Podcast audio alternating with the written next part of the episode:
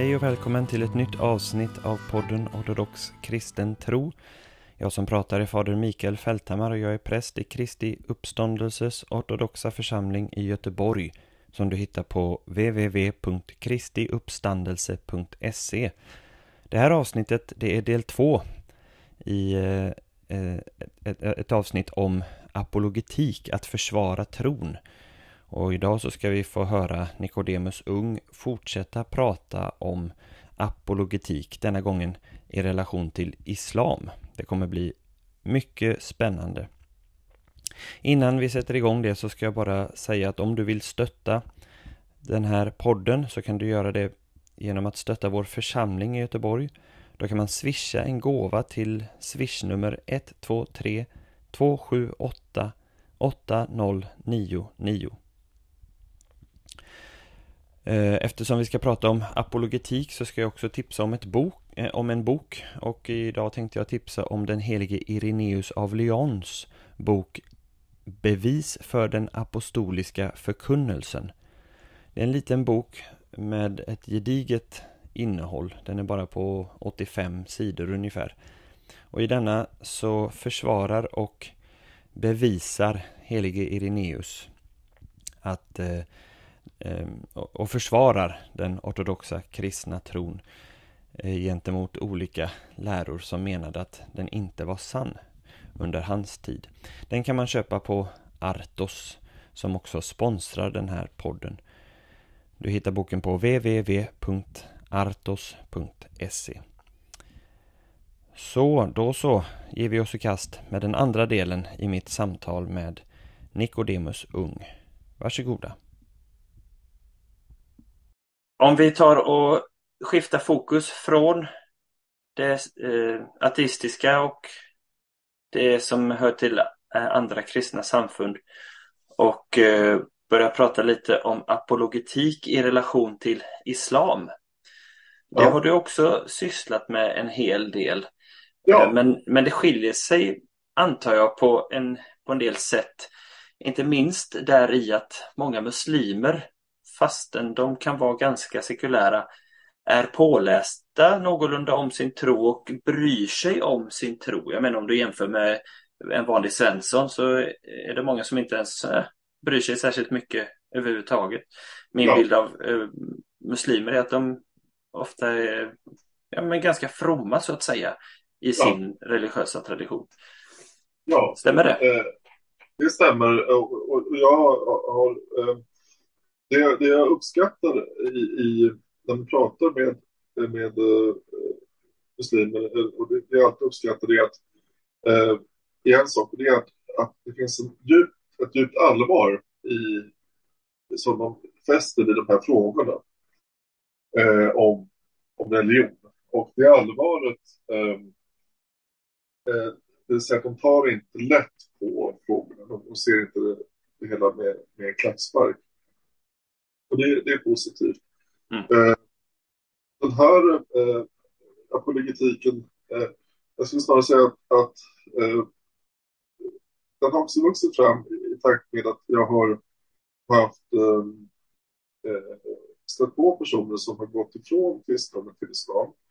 Och jag har stött på personer som har gått från islam till kristendom. En av mina första vänner i den ortodoxa kyrkan var en eh, muslim som hade konverterat till ortodoxa kyrkan. Mm. Eh, och eh, han, eh, eh, jag hade ju inte intresserat mig så mycket för islam eh, eh, innan, men han introducerade mig i alla fall för ämnet, kan man säga. Och från den diskussionen så har jag fördjupat mig i islams teologi så mycket man kan nu. och jag har läst haditerna jag har tagit del av olika rättsskolor. Eh, jag har försökt fördjupa mig och jag har även läst kyrkofäder om islam. Och eh, jag har bedragit en hel del slutsatser av de här studierna. Och, och där skulle jag väl, väl konstatera att en av de viktigaste slutsatserna jag har är ju att Koranen, eh, om man ser på texterna i Koranen så är det eh, på ett sätt en summa av alla de läror som den ortodoxa kyrkan tog avstånd ifrån under de första 600 åren. och som Koranens författare på olika sätt har, har snappat upp från eh, de sekter som var utbredda på den region där Muhammed levde och verkade. Bland annat så är det tydliga spår av, av eh, kristna gnostiska skrifter som är bland annat då korsfästelsen. Uh, vi har arianistisk påverkan. Uh, det står även i, i en del haditer att Muhammed gick i, i samtal med en munk som var arian. och vi har även judiska influenser i bland annat begravningsriten och så. Mm. Till den gnostiska inslagen så har vi då förnekelsen av korsfästelsen och uppståndelsen som är ganska markanta. Eh, och sen har vi då en del andra saker i Koranen som är lite eh, som är ganska intressanta. Bland annat då att man har blandat ihop vissa historiska personer med varandra. Så, eh, så, ganska mm. intressant. Så, mm. så är, det där, också, ja. är, det inte, är det inte också så att man talar om treenigheten som Eh, fadern, att de, de, Koranen säger att de kristna tror på treenigheten, Fadern, Sonen och Jungfru Maria. Ja, det är onekligen något av ja. ett missförstånd. Ja, precis. Eh, precis. Och, och, man ser bland annat också då att, att man, eh, gudaföderskan Maria skulle vara då eh, Arons eh, dotter. Eh, det skiljer flera tusen år. Eller att vi har, också det här, vi har också det här med eh, att Abraham enligt vår bibel skulle offra Isak. Eh, men enligt granen så skulle Abraham offra Ismael. Eh, Ismael är ju arabernas stamfader och Isak är judarnas stamfader. så, mm. så vi har flera sådana saker. Alltså, det kryllar av sådana saker i granen. Men, mm. men det, det, som är intressant här handlar ju just om det här med att, att, att, Eh, inspirationen måste ha kommit från olika grupper eh, på den här regionen. Och det är uppenbart att det är så i den här fallen, att det är så här rena missförstånd. Eh, Gud vet inte vad, Gud vill kritisera den kristna tron, men Gud i Koranen vet inte vad kristna tror på. så, så, så, så, att eh, eh, vi har en del sådana aspekter då. Ja. Eh, ja. Är, är, är detta sådant som Ja, du, du, nämnde att du har läst eh, Fäderna. Jag ska erkänna, jag har inte fördjupat mig särskilt mycket i apologetik gentemot islam egentligen. Jag har läst lite grann. Antiochia har ju en lång historia av att eh, leva under muslimskt styre. Mm. Eh, ibland aggressivt sådant och ibland bara generellt sett ganska tungt. Eh, och det har funnits många av våra helgon som både har lidit martyrdöden Eh, under islam. Eh, jag nämnde några i avsnittet som hette Tre helgon från Antiochia. Eh, några avsnitt längre bak i, i podden här. Ehm, men också olika personer, företrädare, biskopar som har gett sig i kast med att försöka försvara den kristna tron eller har bjudits in av en muslimsk ledare att debattera mot en imam eller sådär. Men eh, jag, jag har själv inte studerat så noga just eh, apolog apologetiken själv. Vad säger de heliga kyrkofäderna angående det här som du själv säger nu här att det är ett, eh, en, en, en blandning av alla heresier mer eller mindre. Eh, ja, tar de upp den tråden själva? Ja, det finns det de som gör.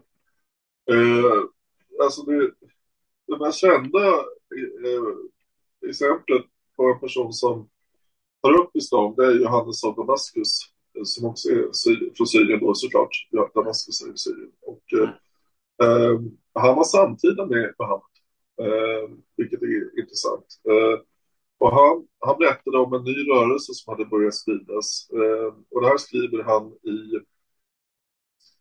i ehm, eh, boken om heresierna, eh, i The Fountain of Knowledge på engelska. Eh, där tar han upp då eh, om islam och jag rekommenderar de som har tid att, att själv läsa det han skriver för jag kan inte återge allting här men han, går han tar definitivt upp det.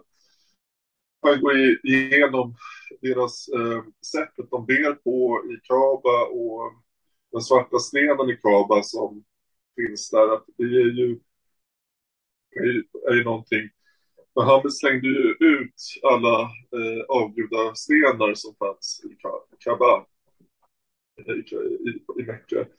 Um, ehm, alla utom en. Och den stenen finns ju kvar och den, den, den eh, eh, uh, installerade han själv där. Och än idag när, när uh, du vet att muslimer de, de välfärdar till Mecka och de går runt sju varv runt uh, kabar runt den här, det ser ut som en fyrkant mm. på deras eh, Haji, deras eh, pilgrimsfärd.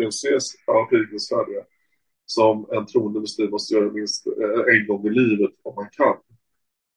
Eh, de här sju varven runt Kabar är, är inte nytt inom islam, utan det, för, det bruket förekom även i arabisk hedendom. Och man gick till de sju planetära gudarnas eh, gudakropparna, eh, gudar, eh, ära då. Eh, och det var de sju planeterna som man såg bo i solsystemet. Mm. på den tiden. Intressant. Wow. Um, och och, och det här bruket då att man den här stenen då som, man har, som Mohammed behöll den har ju i haditerna Eh, fått en, en fylld en funktion i islam att, eh, som är ganska intressant eh, och som det är nämligen så att man venererar den här stenen den här svarta stenen. Eh, och det är, det är, början, det är, eh, det är sannolikt en meteorit, eh, den här svarta stenen. Och man venererar den här stenen. Och det finns haditer som säger att den här stenen ska få, få en tunga och en mun på uppståndelsens dag.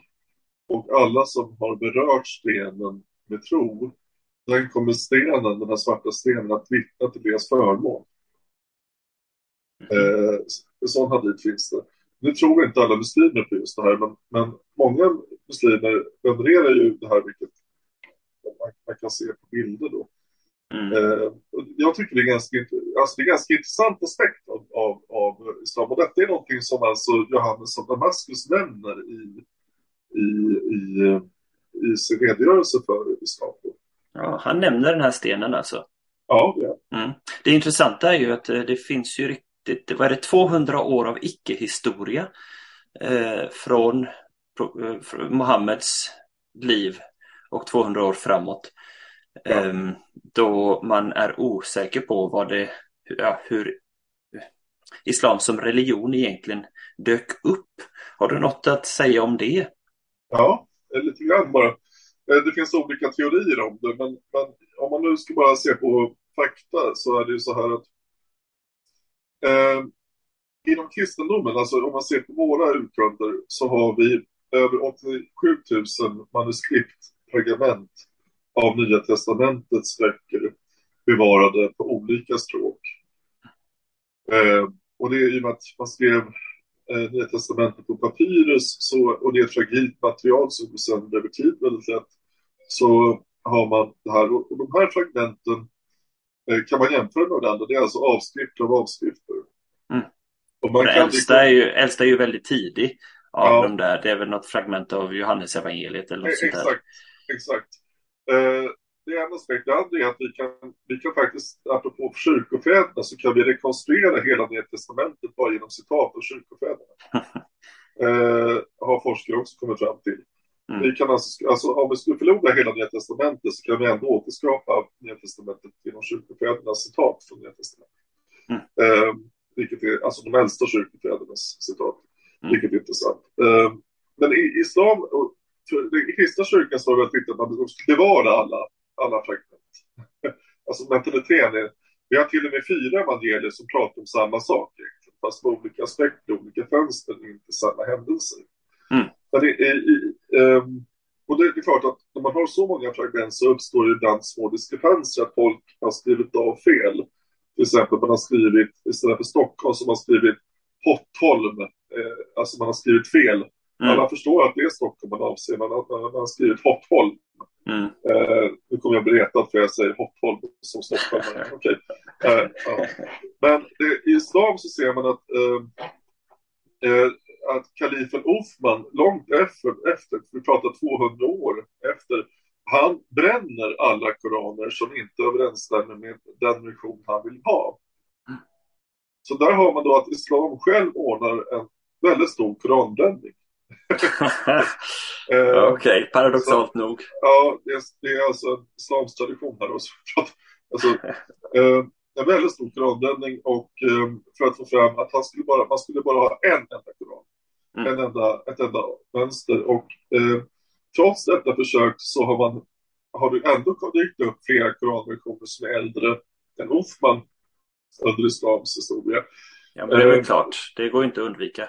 Nej, det går inte att undvika. Och en del av de här eh, har man sedan slängt. Eh, man gjorde en till försök att rensa ut eh, alternativa koranversioner.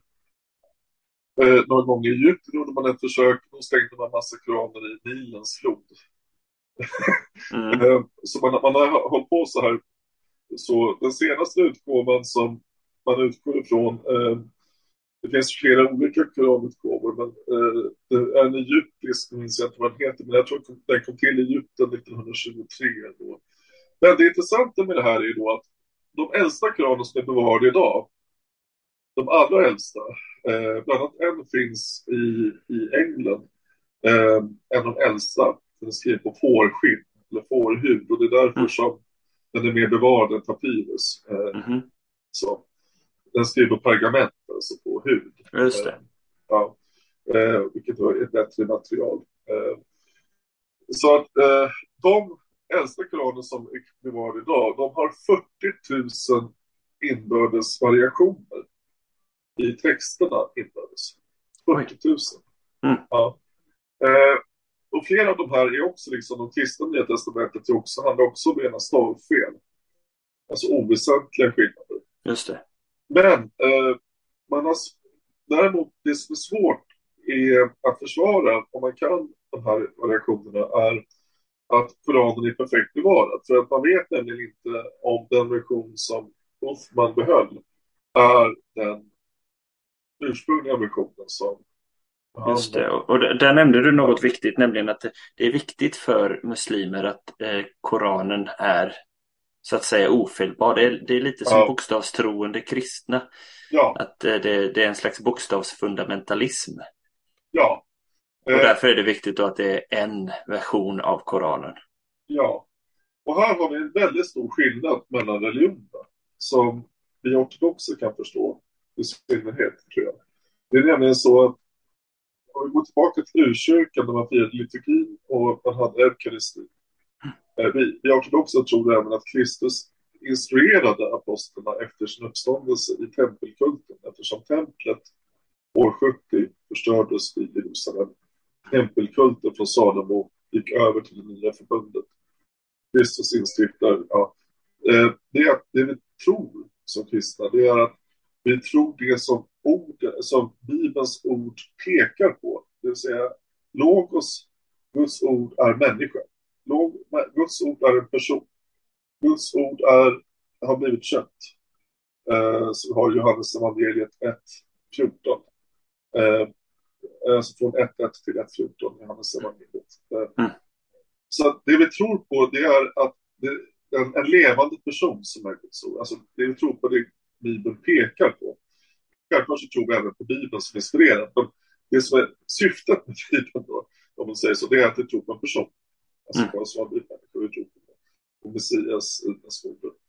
Eh, I Koranen så har man inte en Messias. Eh, eh, man, jo, man säger att Jesus är Messias, men man, han, han har väsentligen ingen funktion eftersom han blev den nya universella, universella profeten mm. som ersatte Messias. Som, han blev viktigare än Messias i så. Det är att, att Koranen blir det heligaste. Koranen blir ett sakrament i islam. Det är det sakrament islam, muslimer har. De har Koranen och de har, eh, de har eh, eh, självklart också Mecka, eller pilgrimsfärden. Det, det, är två heliga ting mm. eh, för, för eh, mysterium eh, inom islam. Mm. Som fyller olika funktioner. Den här stenen, i, om, man, om man tar den vid tron, det är som en vikt. För den, ska också, den kan ju också rena den ärligt, ärligt menade eh, muslimen från synd och så. Eh, är det många som tror. Eh, Mm. och, och, och, och då, då blir det väldigt viktigt att graven är perfekt bevarad. Just det. Och hur, om man påtalar detta faktum för eh, muslimer som du samtalar med, hur, eh, hur tar de emot det? Ja, de, flera som jag har träffat som har varit seriösa, de, om man går in exempelvis då och har en... Eh, om, man, om man går in i en diskussion eh, med hjärtat på rätt ställe, det vill säga jag går inte in för att eh, skända islam, eh, som en del tyvärr gör, som jag har sett på internet. Mm. Jag går inte in för att förolämpa muslimer i deras tro. Och jag pratar inte heller med muslimer som förolämpar mig om min tro på treenigheten.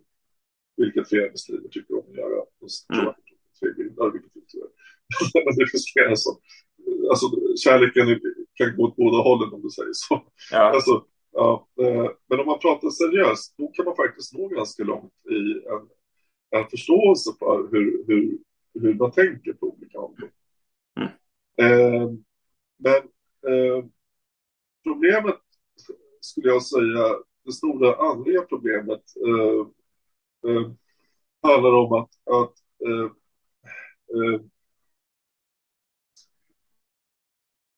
eh, islam matar Eh, Det finns två kända apologeter som har, har eh, försvarat islam mot kristendomen och som har använt väldigt, använder väldigt oärliga metoder i sin apologetik mot kristendomen. Och annars så är det då eh,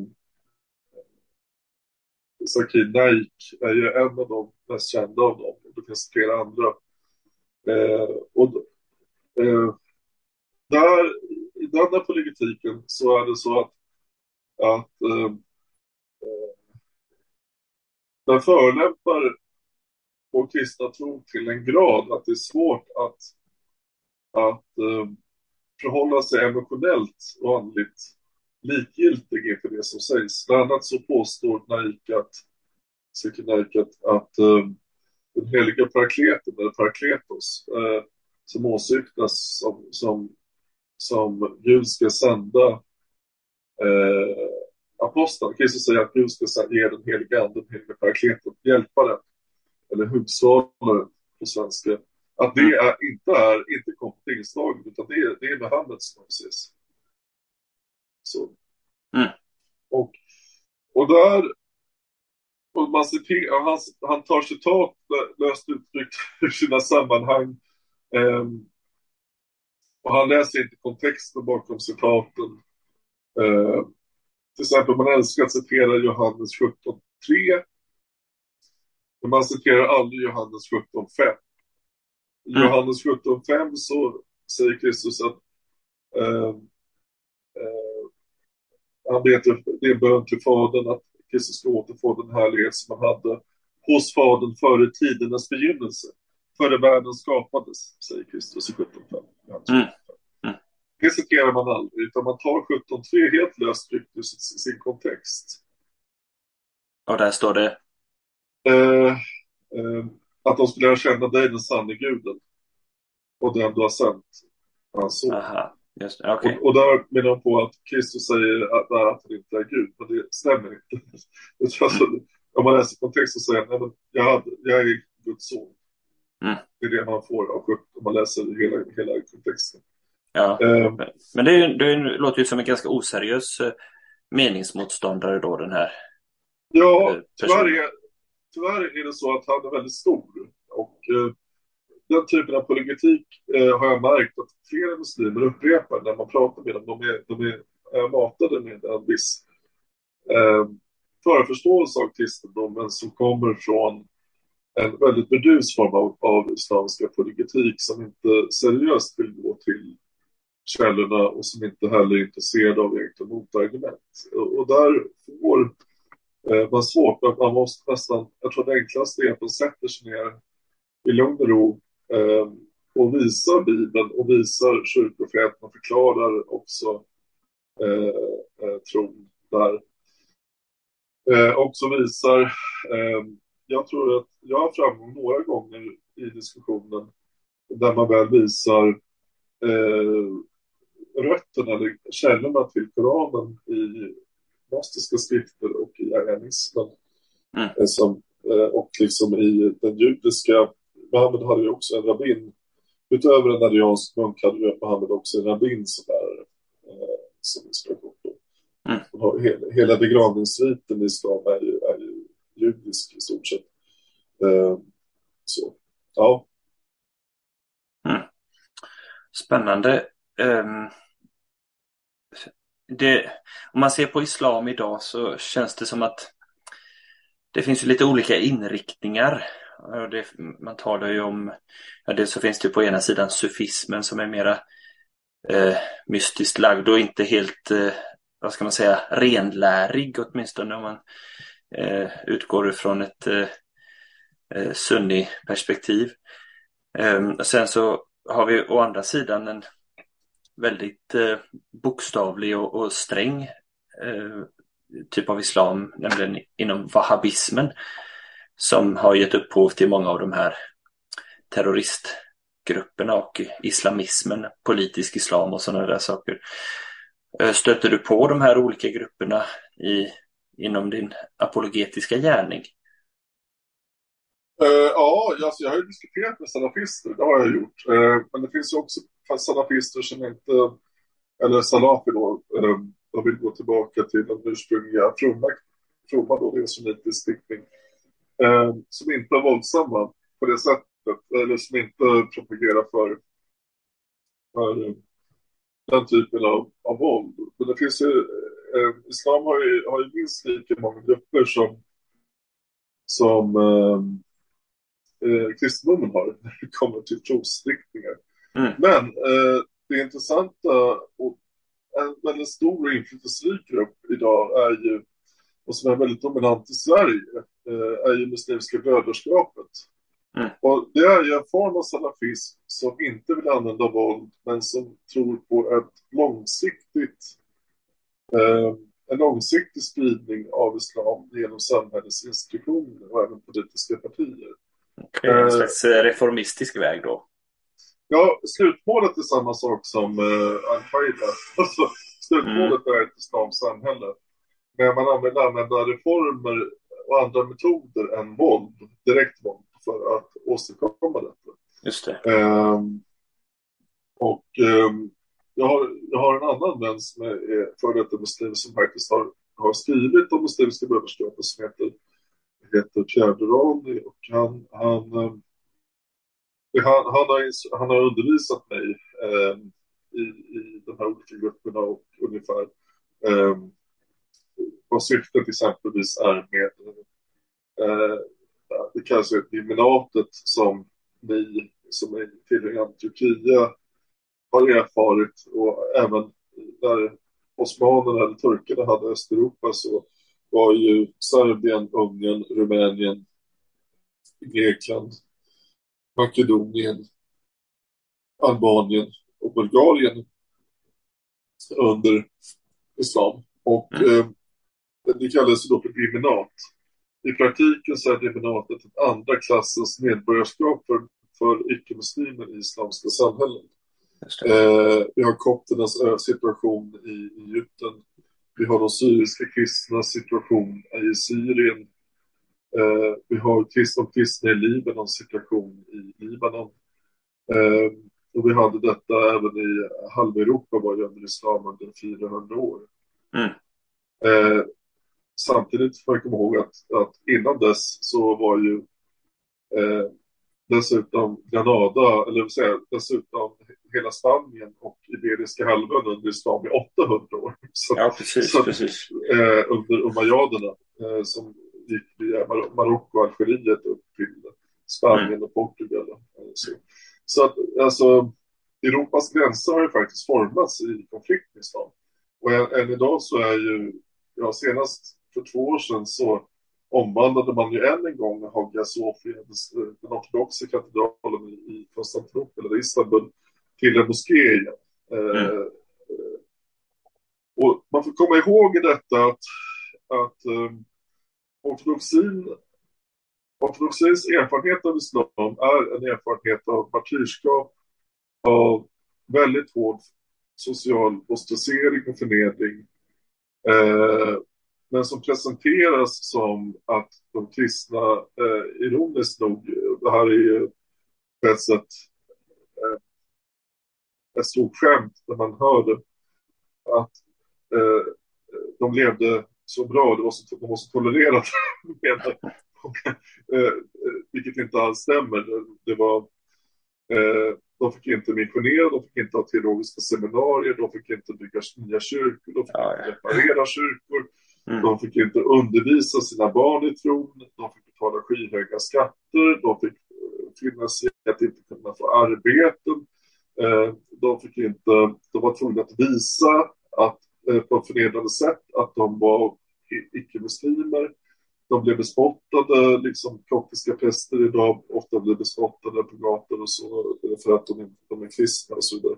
Mm. Eh, den typen av samhälle, eh, tyvärr, alltså i, i dibinatet, är, det har inte varit en dans på rosor direkt. Så. Mm. Eh, och den historien är ju eh, någonting som eh, jag tror väldigt många kristna med arabisk bakgrund eh, eh, brukar dela med sig av när jag pratar med dem. Att, att de har, eh, oavsett om det är syrianer eller om det, det är kopter eller om det är så att, att de, eh, eh, de har med sig eh, ett mycket stort eh, lidande. Många har ju familjemedlemmar som har har varit i fängelse för sin tro. Ja, alltså vi har ju fortfarande i min kyrka eh, flera martyrer från striderna i Syrien och eh, fortfarande eh, präster och eh, biskopar som är kidnappade och borta. Ja. Eh, så att det där är inte något i historien utan det är dagsfärskt. Ja. Så jag, jag vet precis vad du pratar om. Eh, ja. Så är det verkligen. Um, nu så eh, börjar klockan bli mycket här och vi ska så smått ta och avrunda. Man kan ju prata väldigt mycket mer egentligen om eh, apologetik i relation till islam. Mm. Men eh, jag tycker att du har sagt en väldigt viktig sak och det är att ge sig in i de här debatterna med kärlek och inte med eh, en förnedrande inställning. Ja. Utan att eh, drivas av kärlek. För att koppla tillbaka till bibelordet från Petrusbrevet där. Ja. Eh, att svara att med mildhet och, och fruktan, alltså gudsfruktan, svara var och en som ber er försvara det hopp som ni har. Och dessutom gör det då, skriver han vidare, med ett gott samvete. Så att de som förtalar er, såsom onda människor, får skämmas när de talar illa om ert goda levnadssätt i Kristus. Så att eh, eh, börja med att leva gott i Kristus, leva i kyrkans liv, eh, ta del av gudstjänsterna regelbundet, gå till bikt, eh, leva sketiskt så som du kan. Eh, och sen så kan du också eh, utifrån det eh, hålla på med apologetik eller försvara tron. Eh, men grunden är att leva tron själv först och främst. Vilket för mig då till ett fenomen som du har berört mycket kort och som jag tänkte vi kunde kanske avsluta med, nämligen eh, apologetik på internet. Fördelar och nackdelar. Skulle du kunna säga något om det? Ja, eh, eh, eh, jag skulle gärna vilja gå in lite ibland på att, att eh, eh, det finns alltid en risk att ortodoxin blir... Det finns vissa tendenser i ortodoxa världen idag av att ortodoxin blir väldigt akademisk. Man ser nästan en nyskolastik växa fram på sina håll. Där, man, där ortodoxin blir väldigt teoretisk. Eh, samtidigt, nu har vi ena eh, vågskålen här. Samtidigt så finns det alltid en möjlighet att kunna visa på med ödmjukhet och med respekt för kyrkans eh, gemenskap och kanoniska biskopar och fullheten av kyrkans eh, i trohet till Kristi, i kärlek till Kristus och i trohet till, till vår Herre finns det alltid möjlighet att kunna visa bara med, med, med ödmjukhet eh, ortodoxins skatter. Eh, och där, där, tror jag oavsett om det handlar om att man visar det för personer som inte alls känner till kyrkan någonting om ortodoxin. Eh, eller man, man, man går in i, i olika former av diskussions eller debattforum så tror jag att man måste, det är viktigt där att man, man precis som det du citerade, där, jag har själv hamnat, gjort fel miljoner gånger och jag har mycket synder eh, i debatter eh, som kanske en del eh, känner till. Men, men eh, att jag kan, kan ibland bli lite hård och sådär. Men, men det viktigaste tror jag, min lärdom är att man når, man når inte fram om man, man, man eh, utan man måste göra det i kärlek till Gud först och främst och man måste göra det i kärlek till sin medmänniska. Annars går det inte. Så. Mm. En sista fråga. Eh, om man skulle vilja börja eh, studera lite ortodox apologetik, var, skulle man, var ska man börja någonstans då? Ja, eh, det var ju det som du nämnde, att, att man kan se att, att de första eh, kristna, de, kristna typ, de, de första tusen åren eh, har aldrig varit rädda för diskussioner. Eh, inga ortodoxa i Östrom eller i Västrom har, varit, har hållit tillbaka när det kommer till att ha teologiska debatter och diskussioner. Även lekmän har varit, varit väldigt engagerade. Även i Sverige, på Gotland, finns det massor med berättelser om, om hur aktiva lekmän har varit i att diskutera teologi och att fördjupa sig i teologi. Um, uh, så att jag, jag tror att själva, man ska inte vara rädd för att diskutera uh, man ska inte vara rädd att förkovra sig i kyrkan. Men det viktigaste, som du säger, är att, det är att man, man, man lever ortodoxt först och främst och sen att man söker sig eh, att införskaffa kunskap. Och sen så, så, eh, så, så, har man ju, har man ju friheten i Kristus att, att, eh, att eh, vittna om vår tro och att tala om med andra om vår tro. Jättebra. Eh, Nikodemus, vi skulle kunna fortsätta prata eh, väldigt mycket mer och väldigt mer detaljerat. Eh, särskilt känner jag att det skulle vara intressant att fördjupa sig mer angående eh, apologetik i relation till islam. Eh, det kanske får bli anledning till att vi spelar in en gång till eh, i framtiden. Men vi får säga jag får säga stort tack till dig för den ja. här gången. Stort tack för att du har varit med på ja. Detta avsnittet. Stort tack själva.